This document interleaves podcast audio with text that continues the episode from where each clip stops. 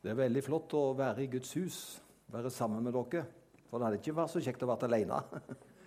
Så det at vi er sammen på en gudstjeneste, det er veldig flott og veldig hyggelig å se dere alle sammen.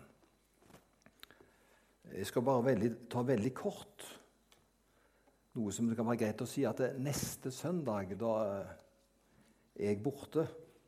Jeg pleier å tale kanskje tre av fire søndager, men neste søndag så er dere veldig heldige. Da får dere høre Markus Kvavik fra Lyngdolmen, som bor her nå og er her. Så Markus skal tale neste søndag. Og så taler jeg om to uker.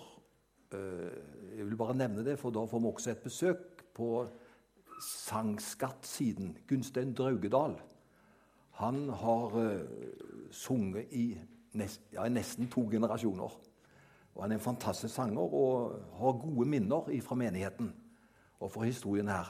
Han skal være her i distriktet, så blir han med og synger i den gudstjenesten hvor jeg taler om to uker. Så fortell gjerne det til andre, og kom. Det tror jeg blir veldig bra. Og så vil jeg minne om at uh, vi hadde en samling på tirsdag uh, hvor vi bl.a. snakket om disse kan vi kalle det for husgruppene våre. Bibelgrupper, husgrupper, cellegrupper. Men uh, da vet dere hva det, hva det er for noe. Og vi har funnet ut at faktisk alt vi har en del slike grupper. Eh, nå skal jeg ikke gå ut med det tallet som vi fant ut, men det er faktisk alt ikke dårlig. Det er en del grupper som samles.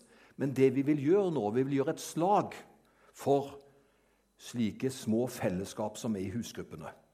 Vi håper at alle kan være med i en eller annen husgruppe. Og Er du ikke med i en sånn, så meld deg gjerne, og så skal vi komme tilbake til det.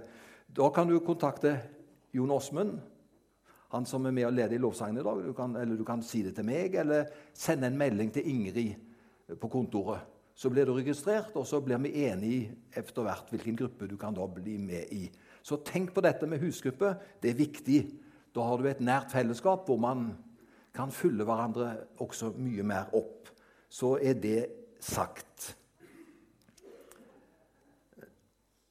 Jeg leste en morsom historie du vet, Det, det, det kommer mye rart ifra barnemunn.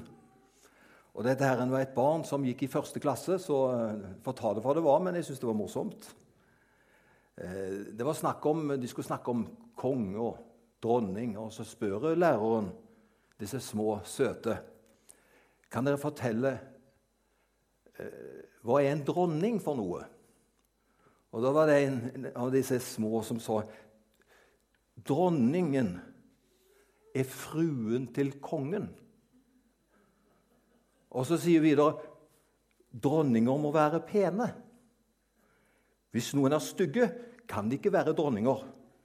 Men de kan kanskje bli lærere.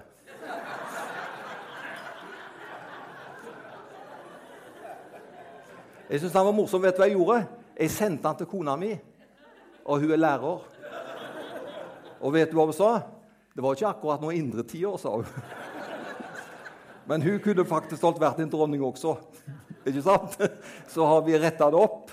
Men jeg syns jo det var litt morsomt. Hva barn kan si, og hva de kan få seg til. Da blir det både småstein og storstein, ikke sant? Det blir veldig, veldig bra. Eller så eh, har vi jo fått med oss, det har jo hele landet fått med seg, at forrige fredag for en god, god uke siden så var det jo en, en mektig begravelse i Oslo til Ari Behn. Og det var jo gripende når bror til Ari sier Når han holdt en hilsen i domkirka i Oslo, så sa han at det egentlig jeg er agnostiker. Jeg, sa han. Men når jeg ser det vi er med på nå, så, så nærmer meg at dette med en kirke og det som Gud, har med Gud å gjøre, må være viktig. Det var noe sånt, i fall det betydde det han sa. Da savner han det. Da ser han hva slike verdier er for noe. Og Det jeg tenker på, det er mange nå som er søkende. Det er mange som kommer til Guds hus ved spesielle anledninger. Og jeg er sikker på at manges hjerter er ikke så langt borte. Og Derfor er det viktig at vi husker på dem, og Guds rike de hører. Det er inkluderende. Når man tar imot Jesus og har et hjerte, så kan man komme. Og så er det godt at, eh, og jeg må bare si, jeg er så glad for at jeg tilhører Jesus. Jeg har funnet den tryggheten som kanskje de som er på utsida, kan si at det, det skulle de gjerne vært en del av. Det har vi, altså. Vi har en trygghet, vi har en fred. Eh, vi har en som er med oss. Det er utrolig rikt. Det var innledningen min i dag. og så skal Jeg gå til, jeg, jeg sa det når vi hadde sånne formøte, vår møtes til bønn, så sa jeg at jeg snakker jo om bibelske portretter. Jeg begynte med det i høst, og jeg ser jo ut ifra det jeg Jeg kommer til å holde på til sommeren, er det greit, det? Men jeg skal kjøre noe annet på høsten. Men jeg ser det så mange fantastiske personer å ta av. Og da tenker jeg på disse, For det første så, lærer, så levendegjør bibelhistorien. For det er godt å levendegjøre også bibelhistorien vår. Og så Gjennom visse personer så kan vi se hva kan vi lære av det livet de levde. Og Det er jo det som er da tanken. Og I dag så er vi kommet til Samuel. Han skal vi se litt om. Og Da står det i første Samuels bok Tal, Herre, din tjener hører. Det fikk han høre som en ungdom hvor han faktisk alt bor i tempelet. Og Jeg skal komme tilbake til det, men eh, det kan få være en sånn en utfordring og en heading over det jeg vil si i forbindelse med Samuel. Tal, Herre, din tjener hører. Alle mennesker opplever utfordringer i livet. Du er altså ikke alene hvis du opplever utfordringer i livet. Alle mennesker opplever at ting kan være vanskelig. Og Det er gripende å lese forhistorien til Samuel. Hans mor, Hanna, hadde et inderlig og sterkt ønske om å få barn i mange år uten å lykkes. Det er faktisk en fortvilelse som både Ebbe og meg har kjent på i mange år, eller i flere år, å ikke kunne få egenfødte barn. For andre så er det på en måte, man tenker ikke over det, de bare kommer. Men, hvis man ønsker sterkt å få barn, og ikke får det, så er det en stor lidelse. Vi kommer jo begge, både Ebbe og meg, fra folkerike familier. Hun kom med seks søsken, jeg var fem søsken i min flokk, og vi var midt i den søskenflokken. Men det er ikke alltid at livet blir slik man ønsker det. Nå har vi allikevel vært så heldige at vi har fått tatt hånd om fire barn. To adoptivbarn og to fosterbarn. Men eh, det er ikke slik for alle, og jeg har kjent på, og særlig Ebbe har kjent på, den lidelsen det er å ønske seg og ikke få det. Og derfor gjør Hannas fortvilede situasjon det gjorde inntrykk på meg, og det gjorde inntrykk på oss når vi forbereder denne talen i dag. Jeg vil si vi forbereder, for hun er med på det, hun òg. Eh, og da sa Sten du bør flette inn det med vår situasjon, for vi kan forstå det inderlig godt når man har en slik kamp. Men så over til Samuels mor. Fortvilelsen var så stor at Hanna oppsøkte tempelet og ba inderlig der om å få et barn. Det å være barnløs på den tiden var full av skam. Og hun går nesten i oppløsning. Så fortvilet er hun. Og hun er der i bønn. Og mens hun er i tempelet i bønn, så har jeg bare lyst til å si bønn kan være like sterkt uten å si et ord. For Hanna hun kunne ikke få hva skal jeg si, trykk på ordene sine. Det kom ikke ut lyder. Men presten Eli så det på munnen hennes at det var et eller annet som skjedde. Og han trodde jo, for det var vanlig at man fikk lyder ikke sant? når hun bare prøvde å få fram noe uten å få ordene fram. Så sier Eli, 'Er du berusa? Er du full?' Det, var liksom, det passer seg ikke å ha en slik oppførsel som du gjør i Guds hus. Og Da sa, sier Hanna Nei, jeg kan si deg, jeg er overhodet ikke beruset. Jeg har ikke vært borti vin i det hele tatt. Men mine lepper gir bare uttrykk for den fortvilelsen som jeg har i mitt hjerte. Og jeg søker Gud om å få et barn, men jeg har ikke fått det. Og fortvilelsen er slik at det eneste Hun får ikke fram ord, men hun får fram uttrykk på leppene sine. Så han misforsto.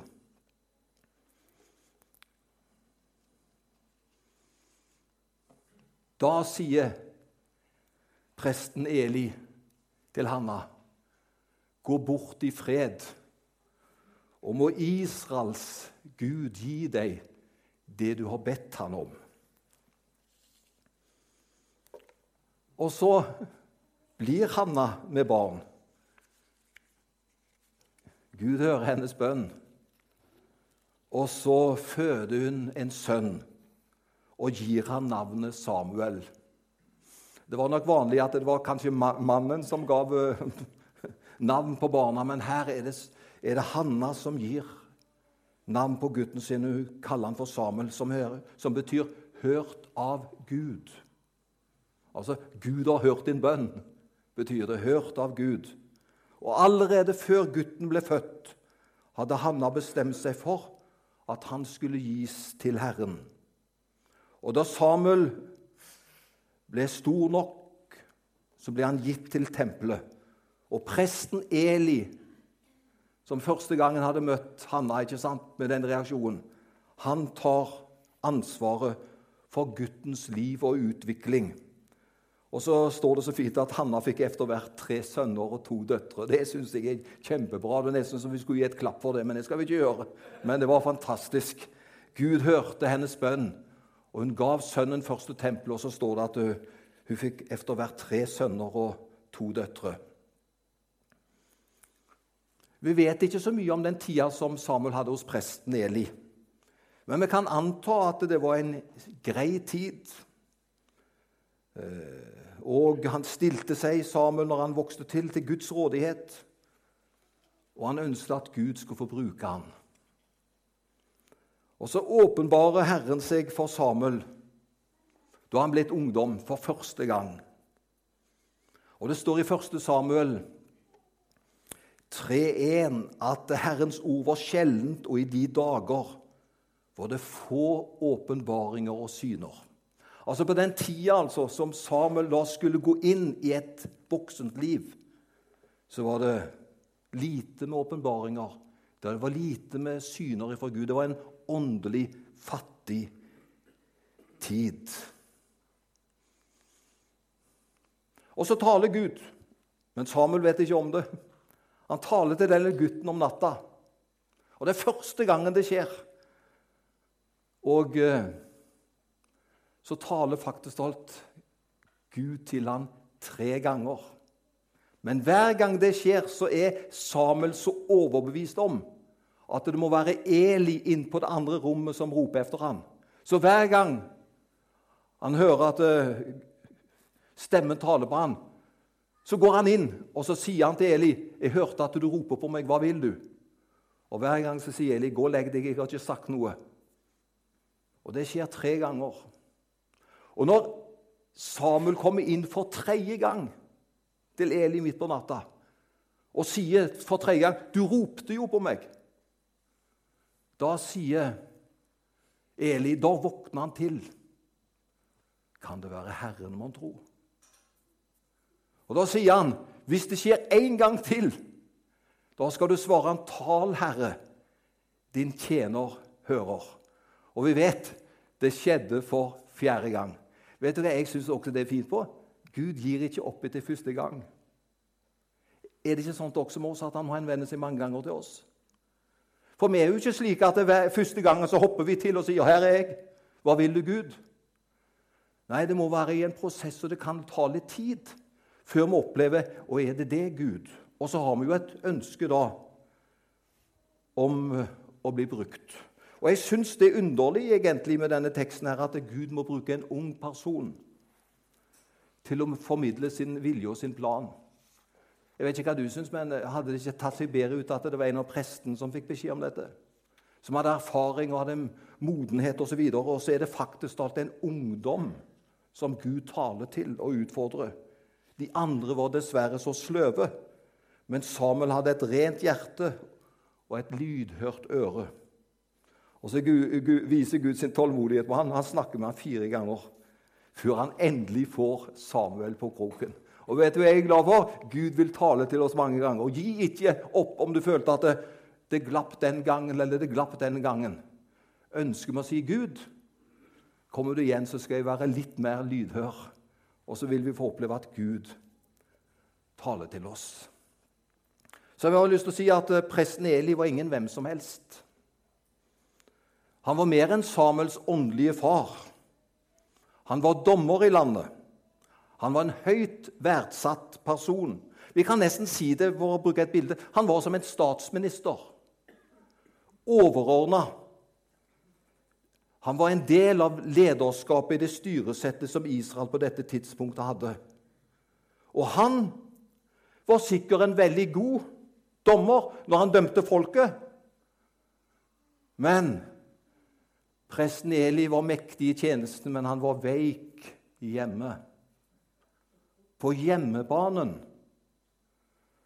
så var det hull i Elis integritet. Kan det være grunnen til at ikke Gud kunne tale til presten? For det var ikke samsvar med hva Gud ønskte og Elis liv. Han var sikkert en veldig god dommer overfor folket, men så står det så alvorlig du har sikkert lest det, så jeg repeterer det. Han så mellom fingrene sine når det gjaldt hans egne sønner. For de levde i ugudelighet og gikk tvers imot Guds lov. Og så står det Eli, han så det, men han gjorde ingenting med det. Og fordi han på hjemmebane var eftergiven og svak, og han var ikke det som vi sier, han var ikke hel ved. Han var én utad, og så var han en helt annen innad. Så ble det prestens bane. Og eh, midt i den situasjonen så får Samuel høre Herrens ord. Og Det skal jo sies for å gi Eli litt kreditt, da. Når han eh, går for fjerde gang Hvis det skjer igjen, så må du si 'Tal Herre, din tjener høre'. Og da skjedde det for fjerde gang. Og da spør Eli hva var det Gud sa. Kanskje han ikke burde stilt det spørsmålet. Og da kan du tenke tenk en ungdom som Samuel. Tenk hvilken byrde som var på hans skuldre. Og Samuel var ren. Han var ærlig, han var troverdig. Og midt i dette så sier Eli, 'Du er nødt til å si til meg det Gud har sagt til deg. Hvis det ikke, så faller det ulykke på oss. Du er nødt til å si det. Jeg krever at du sier hva Herren har sagt til deg. Og da kan jo ikke Samuel noe annet. Og Da sier Samuel sikkert Jeg er sikker på det var den verste dagen i hans liv. Hvordan vil reaksjonen bli når jeg sier til Eli hva Gud har sagt til meg? Men han kunne jo ikke noe annet. Så sier han, Eli, sa han, Gud har sagt til, deg, til meg at pga. at ikke du har holdt Guds forordninger overfor dine egne Du har bare vært opptatt av de andre. Du har vært råtten på en måte innad. Så vil straffen for det bli at dine sønner, som egentlig skulle arve alt, de kommer til å bli drept. Og du vil også bli tatt av dage, sier Samuel, til sitt åndelige forbilde, Eli. Han kan ikke annet enn å si det. Samuel var hel ved. Så går jeg videre, for jeg snakker jo litt om Samuel i dag. Har du tenkt på det som står der? Både Gud og Samuel måtte inngå kompromiss. Tror du at Gud kan ha en B-plan? Jeg håper du kan forstå meg rett når jeg sier det jeg sier nå. Noen kan bli så radikale at de eier ikke evne til kompromiss. De skal liksom slå det gjennom. Sånt er det. De skal liksom sette skapet på plass. Sånn er det. Og det er det andre som jubler. Ja, det er flotte folk. De står opp for sannheten. De kompromisser ikke. Vet du hva jeg har lyst til å si? Livet består mye av kompromisser. Livet består mye av kompromisser. Gud hadde faktisk talt en B-plan. Når ikke A-planen blir gjennomført, som vi kan si er den ideelle, rette planen, så kan Gud ordne det slik at B-planen blir grei, den også. Hva mener du med det, da, Sten? Jo, Samuel er kommet inn i tjenesten. Eh, han har vært med i mange år, han er blitt en eldre mann. Og plutselig så sier jødefolket Finn en konge til oss. Og Samuel, da, da, skjønner vi at han var den ledende personen for hele landet. Det er han de går til. Og så sier Israels folk, 'Gi oss en konge! Vi vil ha en konge som skal lede oss.' Og det var Samuel veldig imot han. Og det som var enda verre Gud var imot det. Så Samuel går jo til Gud og sier at nå går folket på meg, og de vil at jeg skal ørne at det blir satt av en konge og innsatt en konge over Israel. Vet du hva Gud sier? Bare gjør det. La de få det. Men jeg er imot det. Og jeg skjønner også at du er imot det. Men du skal ikke være redd for at du er imot det. Fordi de vil etter hvert oppleve konsekvenser av det. Og så skjer det at de får en konge i landet. Går det bra? Ja, jeg bare fortsetter. Skal vi bare prøve at det er noen få som gjør det, de er der, og så tar vi andre og, og prøver å holde oss til teksten. Går det bra, det? Samuel altså måtte inngå kompromiss. Slik er ofte livet. Motvillig går han med på det som, Guds, som ikke er Guds vilje, men Gud går altså med på en plan B. Og da vet vi at uh, Israel ville aldri få en skikkelig konge før Messias kommer tilbake og blir konge i Israel. Da blir det en fullkommen konge som blir innsatt. Men inntil da eh, så vil eh, konger være både på den ene og den andre måten. Men det var faktisk alt en B-plan som måtte skje. Og Jeg har bare lyst til å si det til oss. Vi lever også i en tid hvor faktisk talt eh, Det er ikke alltid vi får gjøre det som er optimalt. Det er ikke alltid vi får gjøre det som liksom er fullkomment.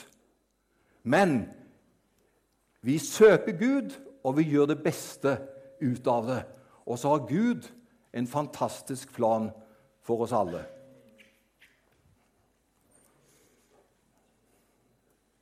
Vi ber om at det skal gå godt for broderen. Jesus, takk at du skal ta deg av ham, og la det bli til velsignelse i hans liv. Kom med din fred, og takk at du tar deg av han, Herre. Takk at vårt liv er i dine hender, og takk for ditt nærvær. Amen. Dette er jo også et eksempel hvordan livet er.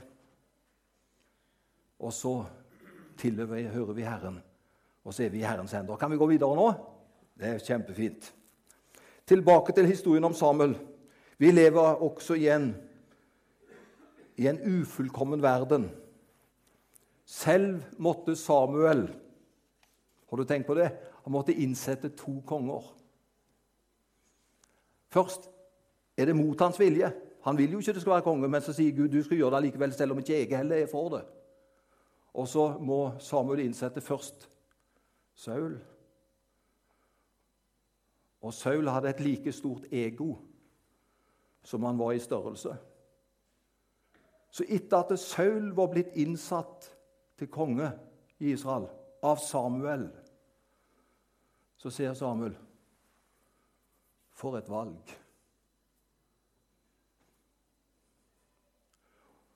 Og så kjempa han seg gjennom. Han måtte administrere noe som ikke var hans vilje, men han måtte gjøre det. Og så gikk det at skogen, det han gjorde Er det noen som kan kjenne seg litt igjen i sånne ting? Noen ganger så har vi trodd at det var det rette, det var Guds vilje. Og så plutselig så kommer vi til hverdagen hvor ting skjer. Og så ble det så helt, helt annerledes. Men jeg er veldig glad for at Gud han hadde kontroll over land og folk, og ikke minst han hadde et hjerte for Samuel. Og Så står det etter at Samuel hadde sørga lenge over Saul sitt fall. Så sier han, Gud til Samuel, 'Hvor lenge vil du sørge?' Jeg har en annen plan. Du skal innsette David til konge i Israel. Og så skal jeg ikke si så mye mer om David i dag, for David er en person som jeg tar en annen gang når jeg taler et portrett over. Etter hvert så dør Samuel. Etter et veldig innholdsrikt liv så samles de om han, og ingen få hadde en slik begravelse som efter Samuel, for det var en Guds mann efter et langt liv. Derfor er Samuel et lysende eksempel i Gamle testamentet på en som levde for Gud, og som fulgte Gud. Det var ikke alle nemlig som gjorde det. Og Nå er jeg jo allerede kommet inn på én Saul, som slutta dårlig. Og jeg kommer sikkert inn på Salamo også. Far min han hadde problemer han med å lese Salamos ordspråk. Hvorfor har du det, da? for seg? Jo, han gikk så dårlig med Salamo til slutt, sa han. Ja, men det han skrev, det var jo ifra Gud. Men faktisk talt, det forteller litt at det er en del personregister i Bibelen hvor faktisk talt til slutt så gikk det ikke så godt. Og Det forteller meg også at det er ingen garanti på at har du begynt godt, så vil det ende godt. Men vet du hva? Det kan ende veldig godt hvis vi søker Gud og holder oss nær til Han. For det var når, det var når disse tok sånne sidesprang og gjorde ting de ikke skulle gjøre, og levde i det, det var da det gikk dårlig. Men vi kan få lov til å leve sammen med Herren og nær Ham. Nå går jeg mot avslutning. Og Da vil jeg knytte sammen hva, hva har f.eks. Samuel og, og Jesus til felles? Hva er likheten mellom eh, Kristus og Samuel? Kan du tenke det? Jo, begge var løftesønner. Begge ble innviet til Gud før de ble født. Samuel kombinerte presten og profetens tjeneste, mens Jesus var profet, prest og konge. Når Kristus kommer igjen, oppretter han fredsriket. Og vet hva han blir da? Da blir han kongenes konge. Så Kristus i en divisjon for seg sjøl, men det er likheter faktisk alt mellom Samuel og Kristus. Så har jeg lyst til slutt å si at det, det store med Jesus Og det håper jeg at vi har grepet inn i livet vårt. Det store med Jesus var at han blandet seg inn i dommen over våre liv. For disse som leda her, de var jo dommere. ikke sant? De dømte. Men Kristus han blandet seg inn i dommen over våre liv. Han tok straffen på seg. Så vi trenger ikke være redd for den dommen som kunne slå negativt ut for disse, hvis vi holder oss til Jesus. For Jesus kom og tok over dommen. Han tok straffen på seg. Derfor har vi ingenting å frykte. Og Gud har gitt oss ånden i våre hjerter som vil veilede oss til å gjøre gode valg i livet. Samuel fikk enkelte opplevelser med Gud. Men vet du hva? vi har Guds ånd boende i våre hjerter. Så vi trenger ikke se på opplevelser. Vi har et liv, et liv hvor Jesus er nær oss.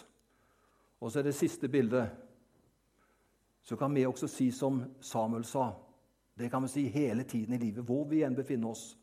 Tal, Herre, din tjener hører. Å høre Guds stemme, det kan vi gjøre for vårt eget liv. Det kan vi gjøre for den verden som er rundt oss. Og jeg er så glad for at Samuel finnes. Han er et lysende eksempel.